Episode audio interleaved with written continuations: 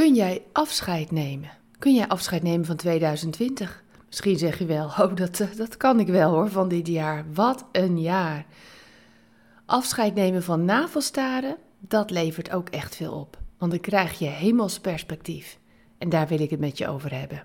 Het einde van het jaar nadert. We nemen afscheid van 2020 en een bijzonder jaar is dit geweest, waarin we ontdekten dat een pandemie gewoon het hele leven op zijn kop kon zetten en nog steeds.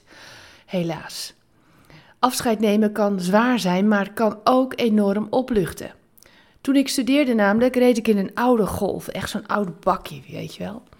De dag waarop ik afscheid nam van mijn trouwe oude vriend, nam ik ook afscheid van de avonturen die je alleen kunt beleven, jawel, met een hele oude auto. Maar ik kan je zeggen hoor, ik nam echt met groot plezier afscheid. Afscheid nemen is dus soms ook gewoon heel fijn. Je mag namelijk iets nieuws gaan verwelkomen. In de overgang naar 2021 sluit je een jaar af.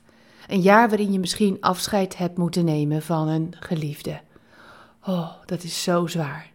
Dan leef ik zo met je mee. Misschien heb je afscheid moeten nemen van je werk of je bedrijf. Tjonge, jongen. Of afscheid van aandacht en liefde. Gewoon omdat je het nauwelijks kreeg. Je zat alleen thuis. Jezus moest ook afscheid nemen. En waarvan dan? In Johannes 3, vers 13 staat dit. Er is nog nooit iemand naar de hemel geweest behalve ik, zegt Jezus, de mensenzoon. Ik ben er vandaan gekomen.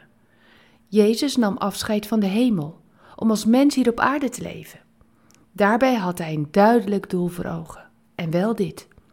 Hij wilde de hemel voor jou openen. Johannes 3 vervolgt. Want God heeft zijn zoon niet naar de wereld gestuurd om de mensen te veroordelen, maar om door hem de mensen te redden. Afscheid nemen is loslaten in Jezus' handen. En hij geeft jou zijn aandacht en liefde. Ik daag je uit. Neem afscheid van je uitsluitend te richten op je eigen situatie. Neem afscheid van je uitsluitend te richten op je eigen verdriet. En ja, er mag tijd voor zijn. En je mag huilen en je mag verdrietig zijn. Zelfs dat is gewoon belangrijk. Laat het er zijn, maar je daar uitsluitend op richten. Uitsluitend je richten op je eigen uitdagingen. Ik daag je uit. Geef vandaag iemand, of misschien zelfs iedereen die je ontmoet, een glimlach. Schenk aandacht door oprecht te luisteren. Ga vanuit een ander perspectief kijken, ook naar je situatie en ook naar de situatie van anderen. Want je weet het, vanuit hemels perspectief zie je veel meer. En jij kunt dit. Op naar deze dag en op naar morgen, de laatste dag van 2020.